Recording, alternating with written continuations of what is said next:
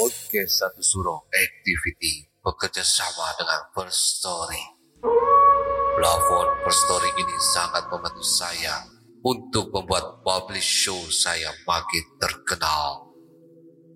Kalian perlu ketahui, ternyata platform Palugada ini sangat gampang sekali. Keren, lengkap, dan yang pasti 100% gratis. First Story tidak hanya mempermudah untuk mengelola podcast. Dalam hal distribusi pun, First Story memiliki banyak jaringan, di antaranya Spotify, Apple Podcast, Noise, dan platform podcast lainnya. Podcastmu pun bisa monetisasi di First Story, menghasilkan keuntungan yang berlimpah. Tidak perlu berpikir lama, segera gunakan First Story dan bikin podcast kamu jadi terkenal. Gak pakai lama.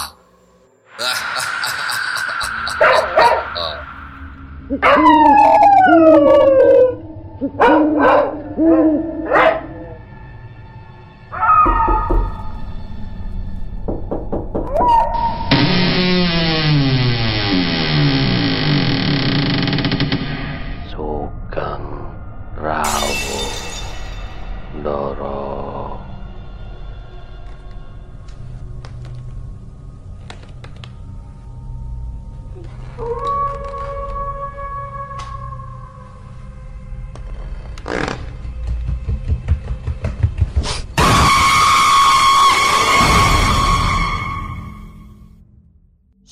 Satu Suro Activity Assalamualaikum warahmatullahi wabarakatuh.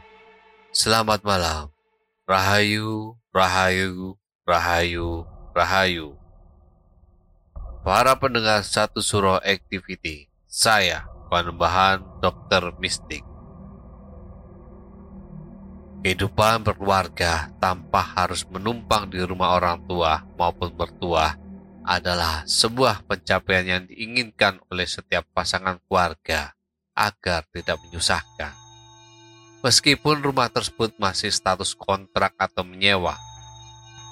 Seperti halnya kisah mistis malam hari ini, sebuah keluarga menyewa sebuah rumah yang sederhana, akan tetapi tidak lama kemudian banyak kejadian-kejadian di luar nalar ketika tinggal di rumah tersebut. Selamat mendengarkan. Kisah ini terjadi di tahun 1992 ketika aku kelas 1 SD. Kebetulan terjadi sebelum aku pindah ke rumah bekas si kembar gantung diri di cerita sebelumnya. Papaku sebetulnya dari keluarga berada. Toko, beberapa rumah, dan mobil nenekku punya. Namun papa bersikeras tak ingin memakai fasilitas dari orang tuanya. Ceritanya ingin mencoba mandiri dan mulai dari nol. Dengan demikian, aku dan adik perempuanku yang berbeda tiga tahun di bawahku dan orang tuaku menyewa sebuah rumah yang murah saat itu. Dipandang dari luar, rumah itu terlihat sangat sederhana dan terkesan dingin. Di dalamnya masih layak huni, walau dengan kesan betul-betul sederhana. Rumah itu satu lantai dengan dua kamar tidur, satu dapur, dan satu kamar mandi di belakang. Di sebelah kamar mandi ada sebuah sumur yang sudah tak terpakai. Kata tetangga, sumur itu sudah tidak digunakan sekitar tujuh atau delapan tahun. Setelah papaku lihat, ternyata sumur itu dipenuhi oleh sampah. Mungkin penghuni sebelumnya lebih senang membuang sampah di sana dibandingkan membuang sampah ke bak sampah yang disediakan di depan gang yang memang disediakan untuk warga. Saat itu papa dan mamaku bekerja di sebuah perusahaan kamera terkenal di daerah Teluk Pinang. Honorus industri. Sehari-hari aku cuma tinggal berdua dengan adikku. Orang tuaku berangkat kerja jam 6 pagi. Dan pulang sekitar jam 5 sore sampai rumah. Awalnya aku memang selalu dititipkan di rumah nenekku. Tapi aku dan adikku tak betah. Karena nenekku itu bawel dan suka marah-marah. Oleh sebab itu, kami lebih memilih tinggal di rumah. Jam 6 pagi, aku dan adikku diantar ke rumah nenekku. Lalu, orang tuaku pergi bekerja. Sekitar jam 7 kurang, aku berangkat sekolah. Lalu, pulang sekolah, aku jemput adikku di rumah nenek untuk pulang ke rumah. Rumah nenek di Batu Tulis, sedangkan rumahku di seberang jalan di Jaya Tunggal. Pernah suatu hari ketika aku dan adikku tidur siang, ada suara ledakan yang sangat keras di belakang rumah. Menurut pendapatku, suara itu berasal dari dalam sumur. Karena suara itu, aku dan adikku terbangun. Setelah suara itu lenyap, tercium seperti bau karbit. Adikku sangat ketakutan dan terus memelukku. Aku penasaran ingin memeriksanya. Tapi adikku ketakutan. Jangan ke belakang kok, Eva takut. Cegah adikku yang memanggilku dengan sebutan Koko untuk kakak lelaki keluarga Tionghoa. Terus gimana? Koko pengen lihat Takut bahaya jawabku. Adikku malah menangis. Akhirnya aku mengajak adikku keluar rumah. Di depan rumahku memang ada rumah yang cukup besar kokoh. Rumah depan rumahku itu milik seorang pelatih tinju. Jadi hampir tiap hari ramai karena ada beberapa yang berlatih tinju di garasi rumahnya. Adikku sedikit terhibur dan sudah melupakan kejadian ledakan tadi karena antusias melihat orang yang sedang memukul-mukul batang pohon kelapa yang digantung. Pemilik rumah itu ramah, sering membelikan kami bajigur, roti, atau jajanan yang melintas di depan rumahnya. Masuk yuk, Fa, ajakku pada adikku. Ayo, jawabnya. Aku senang akhirnya adikku sudah lupa kejadian ledakan. Sebelumnya aku bertanya ke tetangga sebelah rumahku. Apa dia mendengar suara ledakan yang keras tadi? Cuma jawabannya membuat heran. Dia tak mendengar sama sekali, padahal menurutku suara itu sangat keras. Sorenya aku ceritakan semua kepada orang tuaku tentang ledakan tadi siang. Dengan segera papaku memeriksa bagian belakang rumah, termasuk sumur tua. Tapi hasilnya nihil, tak ada alasan untuk menguak kejadian tadi. Malamnya kami berkumpul di ruang tengah sambil menonton TV yang masih hitam putih karena cuma itu yang kami punya. Tiba-tiba terdengar seperti orang sedang berlari di samping rumah kami. Padahal di samping rumah kami itu hanya lorong panjang antar belakang sampai depan rumah yang sangat sempit. Yang di bawahnya selokan kotor. Aku saja kalau ingin melewatinya harus dengan tubuh miring. Jadi bagaimana bisa ada orang berlari apalagi orang dewasa? Papaku segera bergegas memeriksa lorong itu dengan menyorongkan senter. Namun, tak ada apa-apa di sana. Akhirnya, Papa menyuruhku tidur. Aku tidur di kamar depan sendirian karena adikku tidur dengan orang tuaku di kamar belakang. Esoknya, kebetulan hari Sabtu, aku agak sedikit gembira karena biasanya kalau hari Sabtu, mama libur dan papa hanya bekerja setengah hari. Jadi, sekitar jam 2 siang, Papa sudah sampai di rumah. Siang harinya Papa pulang membawa beberapa ekor ayam jantan dan betina. Papa datang bersama temannya. Papa memanggilnya Kang Badri. Papa dan temannya langsung ke belakang rumah, memasang galah yang diikat ujung-ujungnya dengan tali. Itu untuk ayam-ayamnya kelak, karena Papa belum sempat membuat kandang. Sedang asik memperhatikan Papa dan temannya. Tiba-tiba teman papa bicara. Gun, rumah lo gak bener ini. Hawanya gak enak. Kayak yang ngangker. Ah, mentang-mentang lo orang Banten. Semuanya lo kaitin sama hal mistis. Jawab papa santai. Bukan gitu, gue serius. Gue lihat tuh dalam sumur ada nenek-nenek bawa tongkat. Dia kadang-kadang suka nongol tahu jelas kawan papa. Udahlah, lu jangan nakutin. Gue emang gak takut. Semakin takut, semakin seneng lo jahilin gua, jawab papa. Lo mah dibilang gak percaya. Seralah, jawab kawan papa kecewa. Sorenya sebelum maghrib, Kang Badri alias kawan papa pamit pulang. Sebelum pulang, ia tetap memperingatkan papa tentang hal yang sama yang tadi dibahas. Namun sayangnya papa cuma senyum aja.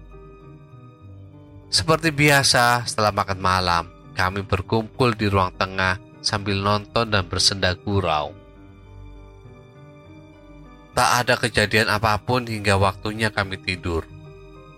Namun, malamnya sekitar tengah malam, entah jam berapa, kami dikejutkan dengan suara ayam berterbangan sambil berbunyi khas ayam jika melihat sesuatu yang aneh.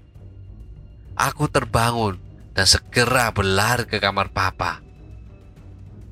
Pah, itu ayam-ayam kenapa pada gelapakan kayak ketakutan gitu? Tanya mamaku sambil mengguncangkan badan papaku yang nampaknya malas bangun. Karena dipaksa mama, akhirnya papa dan mama memeriksa ke belakang. Tak berapa lama, mama dan kembali dengan wajah agak pucat. Kenapa mah? Tanya aku heran. Gak apa-apa, udah tidur lagi ge, serunya. Akhirnya aku kembali ke kamar dan melanjutkan tidurku. Tapi paginya mama bercerita. Ternyata semalam ketika memeriksa belakang, mereka melihat seperti kepala menyembul lalu kembali lagi ke bawah di sumur tua. Kenapa mama nggak ngomong semalam? Tanyaku kesal. Kalau semalam mama bilang, kamu pasti nggak mau tidur di kamar kamu, jelas mama. Aku hanya memajukan bibirku. Setelah itu tak ada kejadian apa-apa lagi. Semuanya berjalan normal. Hingga suatu malam, ketika kami sedang berada di ruang tengah, Papa bercanda dengan adikku dan berpura-pura menangis karena dijambak adikku. Tapi entah mengapa, lama-kelamaan Papa malah jadi menangis betulan dan sesegukan dan memilukan. Pa, Papa, kenapa? Tanya Mama sambil mengguncangkan bau Papa. Uh, uh. Papa masih saja menangis. Sedih sekali, malah seperti menyayat hati. Mama yang merasakan mendapat firasat yang tak baik, memberikan kode agar aku mengajak adikku berlindung di belakang tubuhnya. Pa, papa, kenapa? Sekali lagi mama bertanya sambil mengguncangkan bahu papa. Tiba-tiba papa bicara dalam tangisnya. Ini bukan papa. Saya Mirna. Kalau saya, saya kedinginan. Kalau saya dingin. Jawab papa lalu kembali menangis pilu. Kamu cepat panggil guru ngaji kamu ke sini. Cepat. perintah mama tiba-tiba dan sedikit keras. Akhirnya, aku berlari ke rumah guru mengajiku. Tak berapa lama, akhir aku kembali dengan guru mengajiku. Kenapa teh? Ada apa sama si engkong? Tanya Pak Ustadz. Engkong istighfar kong, seru Pak Ustadz. Papa masih saja menangis sedih. Ini bukan engkau, ini Mirna. Tolong saya, dingin. Tolong pindahin saya, dingin. Bau, kotor. Uh, uh. Papa, papa, sambil terus menangis. Aku masih memeluk adikku, tapi dia tak menangis, hanya diam seperti ketakutan.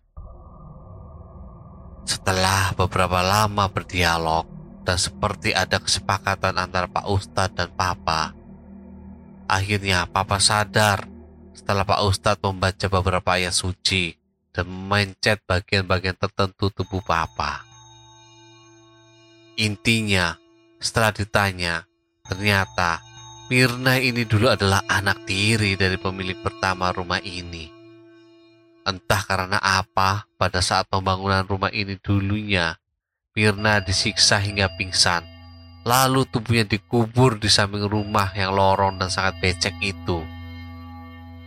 Setelah kejadian itu, kami sekeluarga pindah rumah. Setelah diselidiki, ternyata pemilik rumah pun tak tahu tentang kejadian Mirna. Karena pemilik sekarang pun memiliki rumah tersebut dari orang tua Mirna.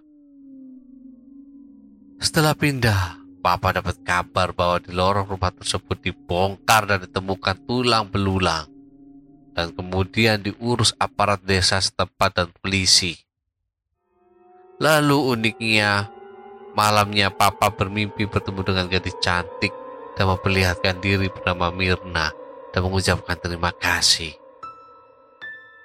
Papa menceritakan tentang mimpinya kepada Mama dan aku.